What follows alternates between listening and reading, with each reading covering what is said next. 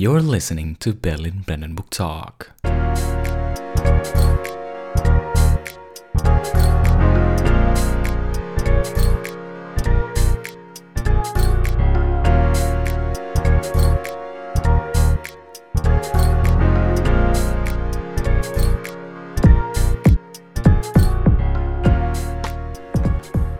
Guten Tag und herzlich willkommen zu unserem Podcast Berlin Brandenburg Talk, or also known as To Be Talk, with your host Adib. Dan Maulana. Yes, Maulana. Yes, kenapa nih, Dip? Kita lihat Berlin seperti apa nih sekarang udaranya. Waduh, Oh, tadi gua sini panas 25 derajat, tiba-tiba turun dari bus hujan dong. Hujan derasnya. Betul. Wadidaw. Unexpected banget ya. Iya, sesuatu hal-hal yang di Berlin terjadi itu pasti unexpected. Itu dia. Nah, kita sekali ini bakal ngebahas eh, masih juga topiknya tentang mental health. Kita melanjutkan eh, mental health series kita dan Betul. kita kalau boleh nge apa ya flashback Hmm. di sedikit ya di episode berikutnya. Jadi episode sebelumnya kan kita udah sharing-sharing nih mau mengenai Hmm. eh, apa namanya overthinking, dampak-dampaknya Betul. dan gimana caranya overcoming overthinking. Ya nggak sih? Iya dong, betul. Nah, sebelumnya kita kita lanjut lagi nih, gue pengen kenalin ke narasumber-narasumber kita yang udah keren banget nih datang Iya. ke podcast kita. Yaitu ada namanya Pak Dimas, Pak Dimi sama Ibu Farah. Boleh perkenalan dulu. Halo semuanya, kenalin nama gue Farah. Currently gue lagi kuliah di TU Berlin dan gue ngambil jurusan Energi und Prozessteknik. Uh, wow, wow, wow, wow, wow, wow, wow. Karena energi keren banget. Iya, Pak Dimi. Halo guys, em, nama gue Dimi. Sekarang kuliah di TU ngambil Wirtschaft Mathe. Nah, ini buat teman-teman yang nggak tahu, kebetulan Pak Dimi ini menjabat sebagai ketua PPI Yeah. Berlin Brandenburg. Iya, benar sekali. The boss is here. Jadi, it is an honor for us lah udah kedatangan Pak Dimi sebagai narasumber kita. Iya. Waduh. Nah, BTW nih, lu udah dengerin belum episode kita ber- eh, sebelumnya? Udah lama masa podcast kalian gue nggak denger. Iya. Dimi tuh selalu dengerin, dia kalau lagi di Uban selalu dengerin podcast kita. Wih. Kalau ada kuisnya siap gue. Nah, oke, coba tanya mau kuisin dah. episode ini deh apa namanya yang kalau misalnya kita tarik ke episode sebelumnya Iya. biar ini nggak tahu nggak cara-cara overcome overthinking itu apa Ya ampun berasa kan di kuis gue nih. Em, seingat gue nih ya, rada so tau aja sih gue. Tapi kayak yang pertama kan of course kita harus ngenalin trigger kita dulu gak sih? Ah, iya, trigger iya. overthinking Trigger apa? overthinking kita tuh apa? Ah. Terus ya kalau kita udah ngenalin triggernya, kita coba cari tahu nih akar masalahnya tuh apa aja nih buat- diselesain. Betul. Dan ya belajar mindfulness. Mindfulness, ya, Hmm, ya. sama. Ya kasih sugesti buat diri sendiri lah. Kalau kita yang in charge buat atur apa yang kita pikirin. Hmm. sama last but not least fokus sama apa yang bisa kita kontrol aja. Hmm. Benar. betul betul betul. Nah, bener banget sih. Nah, ini gue jadi penasaran dengan definisi atau terminologi dari mindfulness itu sendiri. Dan suka gue suka ke- ke- terbalik antara be mindful sama mindfulness. Gue nggak tahu itu sama atau berbeda tapi gue ingin tahu definisi dari mindfulness itu loh buat meminimal menimima- Meminimalisir. meminimalisir overthinking itu susah banget. Nah, tau gak sih sebenarnya state of mindfulness itu apa, teman-teman? Sebenarnya gue sendiri aja tuh masih bingung gitu loh, Dip. Eh, apa bedanya mindful sama mindfulness? Kalau yang gue denger dari kemarin tuh kan eh, berbeda gitu ya artinya. Mm-mm. Nah, jadi sebenarnya kayak masih agak ragu gitu dengan artinya apa. Ah iya, tuh mau gimana mau menurut lo mau? Ah, mungkin singkat dulu aja ya sebelum kita bahas deep deep lebih dalam Boleh, lagi. boleh, boleh. mindfulness itu jatuhnya kalau misalnya dari apa definisi yang dari Rani Mhm.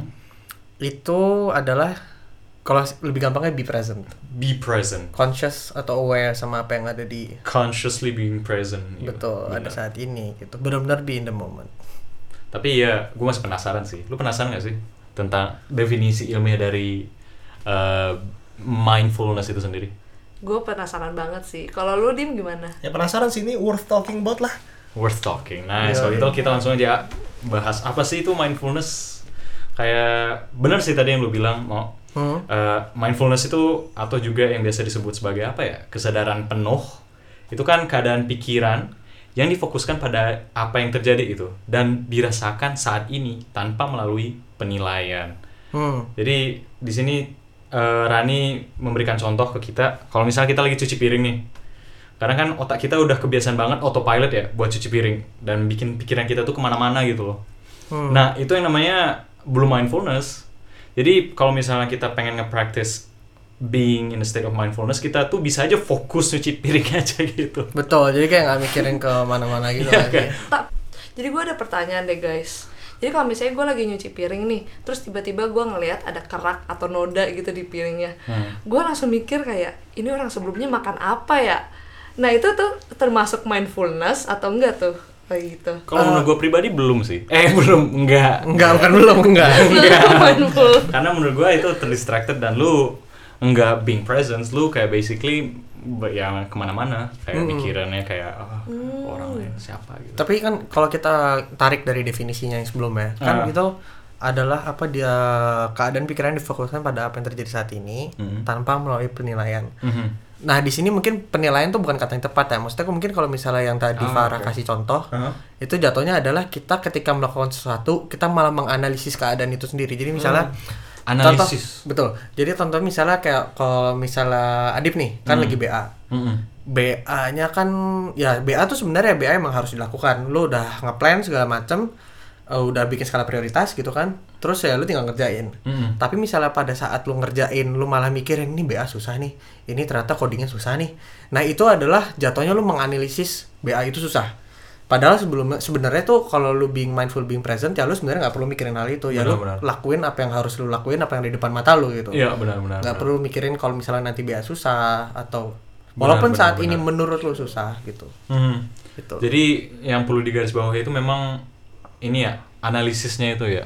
Mm-mm. Yang tadi gua bilang tanpa penilaian, tapi sebenarnya yang paling penting tuh eh, tanpa harus menganalisis yang semruwet sehingga kita bisa jadi overthinking ya nggak sih benar nggak sih? betul Betul. mungkin dari Dimi ada tanggapan itu oh itu menarik sih tapi gue jadi penasaran juga kayak jadi seolah-olah kan analisis jelek tapi nggak gitu juga nggak sih sebenarnya betul betul nggak nggak nggak nggak nggak apa bukan nggak semata-mata ah, apa Semua analisa tuh buruk. buruk Analisa buruk, ah. benar cuman pada di sini konteksnya adalah Hmm. analisis yang biasanya kita lakukan atau misalnya kayak evaluasi yang biasanya kita lakukan itu berdampak pada overthinking Oke. nah itu yang harus diwanti-wanti gitu Mhm. Nah, untuk konteks ini gue setuju banget sama Maulana. Soalnya gue juga sering banget ngalamin hal yang sama gitu, Dim. Jadi kayak gue sebelum klausur gue udah stres duluan kayak em, modulnya susah, topiknya susah, gue kayak nggak ngerti. Terus tiba-tiba gue malah down sendiri. Akhirnya eh, waktu gue tuh kayak terbuang sia-sia untuk mikirin yang eh, gak jelas gitu lah, yang belum terjadi. state lu malahan jadi kurang baik juga nggak sih Betul. Asli. Padahal sebenarnya itu gue bisa nge-overcome itu gitu loh. I see, I see.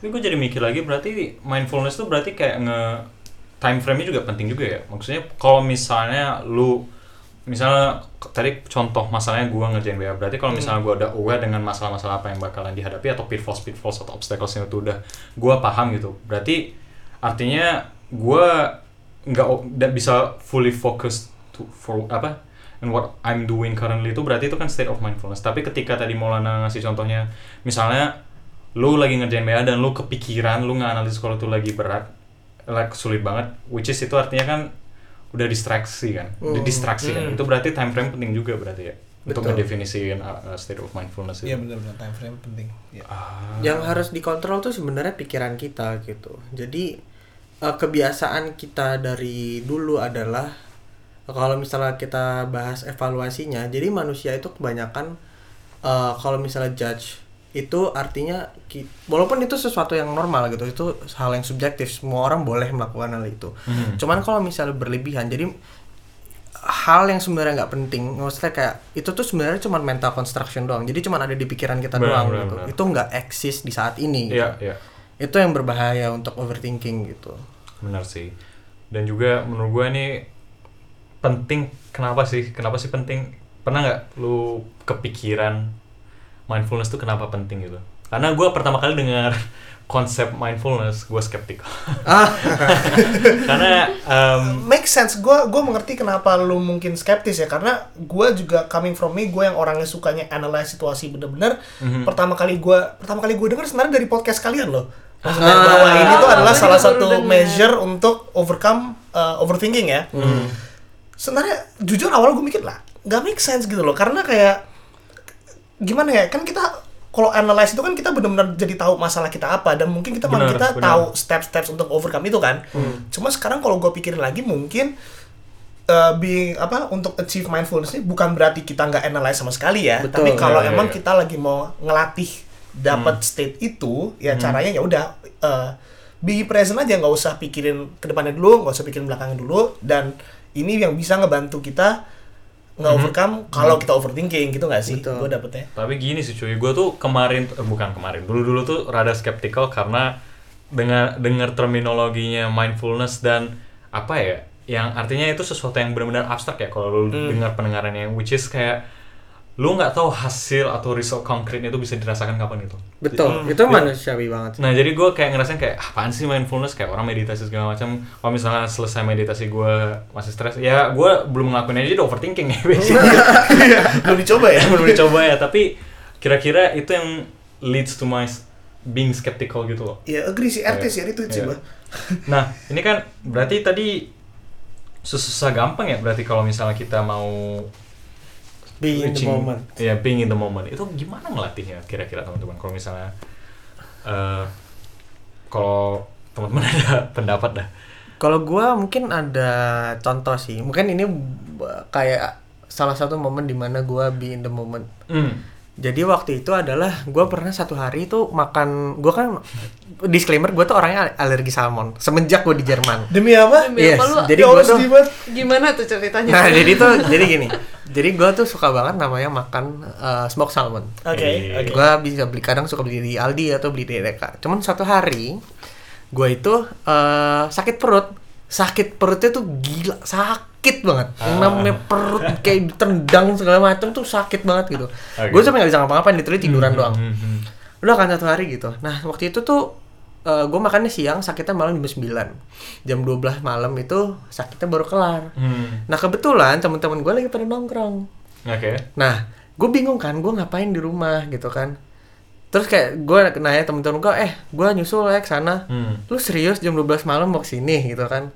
Itu tuh di ada di satu STW lah gitu Iya, kan. iya. Terus gue nggak gue nggak pikir panjang, gue mau ke sana gitu kan. Gue langsung siap-siap pakai baju segala macam, gue pesan taksi. Gue nggak gue soalnya ban udah nggak ada gitu itu. Oh, iya. Gue pesan taksi, gue ke sana. Oke. Kalau padahal gue sebenarnya bisa aja mikir ngapain gue ke sana. Udah Ah. jam satu malam. Gue ntar ngapain? Tidurnya di mana segala macam. Cuman itu Iya. nggak gue lakuin sama sekali. Karena gue tahu kalau misalnya gue ke sana, gue pasti seneng. Oh, itu berarti lu secara langsung lu being mindfulness gitu. Stay. Yang menurut gue itu salah satu contoh karena gue nggak, karena gue literally in Spontan the ya? moment gitu. Kayak ya gue nggak mau mikirin apa pun. Gue tahu kalau misal gue ke sana itu baik buat gue gitu misalnya. Walaupun pada pada konteksnya itu jam satu malam gue nongkrong sampai pagi itu nggak sehat gitu ya. Tapi gue nggak memikirkan hal itu dan gue nggak mau overthinking. Oke, oke. Yang penting seneng lah ya. Betul. impulsif ya itu impulsif banget sih. itu gue akuin impulsif. Tapi lu lu ada pengalaman gitu nggak, Dim?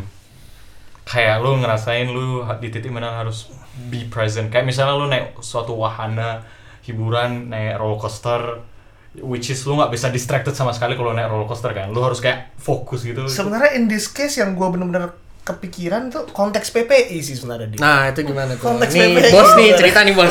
Gimana gimana gimana gimana. Maksudnya kayak ya proyek-proyek kita kan setahun ke belakang nih banyak ya. Maksudnya divisi juga kita ada 8 dan ya gue Hmm. juga ya gue nggak tahu detail tiap divisi tapi kan harus tahu uh, Hmm. an overview lah at least dari tiap divisi kan. Hmm. Ya kadang-kadang ya apa ya prone to overthinking mah tiba-tiba divisi ini mau ada membuat acara ini ini ada acara ini aduh ini gimana ini ya Hmm. si baru kelar istirahat ini siapa mulai ini aduh gue gimana nih ya pusing gitulah Hmm. kayak takut misalnya nggak aduh kalau gagal gimana segala macam bla bla bla lah tapi Oke. ya yang gue coba adalah gue selalu mikir ya udah set priority dulu itu sebenarnya ngebantu banget set priority Hmm. dulu gue apa namanya bantuin siapa dulu bla bla bla terus kayak gue mikir aja kalau di konteks PP ini ya ya udah gue yakin selama gue udah coba yang terbaik kita udah coba yang terbaik ya udah resultnya ya udah itu kan di luar kontrol kita ya Hmm. maksudnya kan yang penting kita maximize yang part kita aja sisanya let God do the rest lah kan kan Betul. Oh, oke, oke, setuju. itulah Kalau lu Far? Oke, no comment. No comment dulu lah Masih belum ini. Tapi tapi berarti ini gue ngambil kesimpulannya. Berarti menurut gue state of mindfulness tuh bisa penting ya. Ya kalau lu di konteks lu kan itu kayak lu cari penyakit ya. Tapi tapi tapi kalau misalnya diterapkan kepada aktivitas-aktivitas yang menurut kita ini ya eh, penting ya pro- Hmm. eh, prioritasnya tinggi itu berarti dengan kita be in the state of mindfulness itu tuh kebiasaan overthinking kita itu bisa di Di-reduce. di reduce, Dikurangi. di avoid, dikurangi karena kita simply be present. Jadi kita tuh nggak terlalu mikirin apa yang bakalan datang, apa yang bakalan ini ini, ini segala macam. Karena mungkin nanti kita bakalan bahas juga di episode berikutnya metode untuk ngedapetin state of mindfulness nih. Hmm. Tapi itu nanti. Tapi intinya dengan kita be present itu kita hanya fokus to one thing itu, on one thing. Betul. Bener, sama satu lagi sih Dip, mungkin kalau boleh tuh? nambahin kayak yang ngebantu gue banget tuh juga kadang-kadang tuh gue suka ngerasa apa ya nggak tenang kalau misalnya gue nggak ngelakuin sesuatu nih Hmm. untuk nge-handle suatu masalah tapi emang misalnya gue emang di saat ini in the present time belum bisa ngapa-ngapain emang kata ini sound counterintuitif tapi kadang-kadang tanda kutip surrender tuh surrender tuh ngebantu maksudnya surrender dalam arti kalau emang nggak ada yang bisa dilakuin saat ini ya, Ya sudah udah, ya, ya udah. sudah Jangan dipaksain. jangan dipaksain benar Betul, itu ngebantu sih Fa. Iya. Nah, kalau menurut gue juga buat nanggepin Dimi, sebenarnya kalau kita tuh kapan tahu kita surrender atau enggak tuh sebenarnya tergantung kapasitas kita juga sih. Jadi kayak eh, kita juga nggak boleh overwork gitu. Jadi kita juga harus tahu eh, sampai mana sih kita harus berhenti gitu. Ya. Dan eh, kira-kira apakah kita dengan melakukan hal sebanyak ini dalam waktu yang singkat kita bisa survive dengan artian kita bisa menyelesaikan semua dan mendapatkan outcome yang kita mau gitu loh. Jadi eh, untuk masalah ini sebenarnya kita juga eh, kalau menurut gue tuh yang penting tahu kapasitasnya tuh sampai mana gitu. Some, sometimes uh, have comfort in knowing that some things cannot be controlled by us. Itu sih sebenarnya. Betul, yang betul. benar-benar bantu Sama ini juga apa ya seperti tadi Adip bilang gitu mindfulness itu korelasinya sama rendah tingkat stres, tingkat kreativitas, memori, awareness terhadap diri sendiri, orang lain maupun lingkungan di sekeliling kita, eh, di sekeliling kita gitu. Nah, gue mau nambahin juga. Ini karena masih dalam konteks overthinking. Mhm.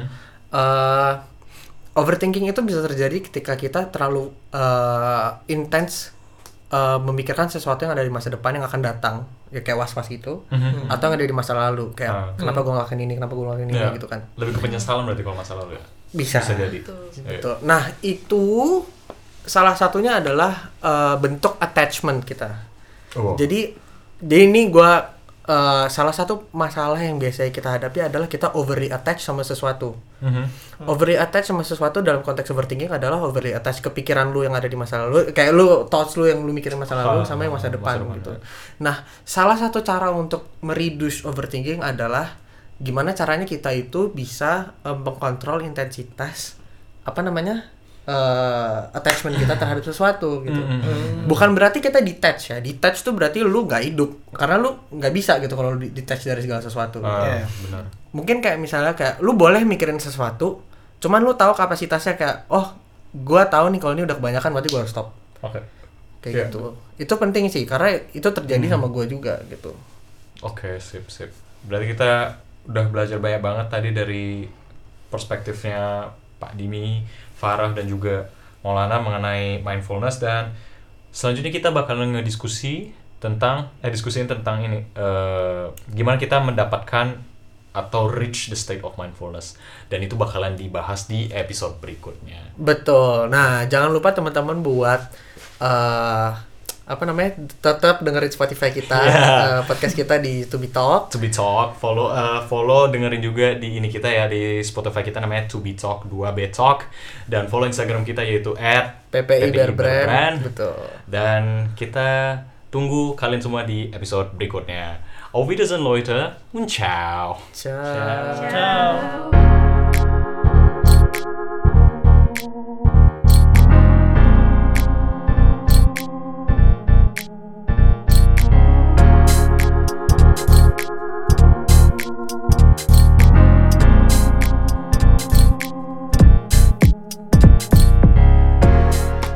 Terima kasih telah mendengarkan episode podcast minggu ini. Segala informasi yang kami utarakan di podcast ini didasarkan oleh opini masing-masing dengan tujuan untuk berdiskusi. Nantikan episode podcast berikutnya dan jangan lupa untuk follow Instagram kita juga yaitu @ppi Berbrand. Wir bedanken uns nochmal bei euch und auf Wiedersehen.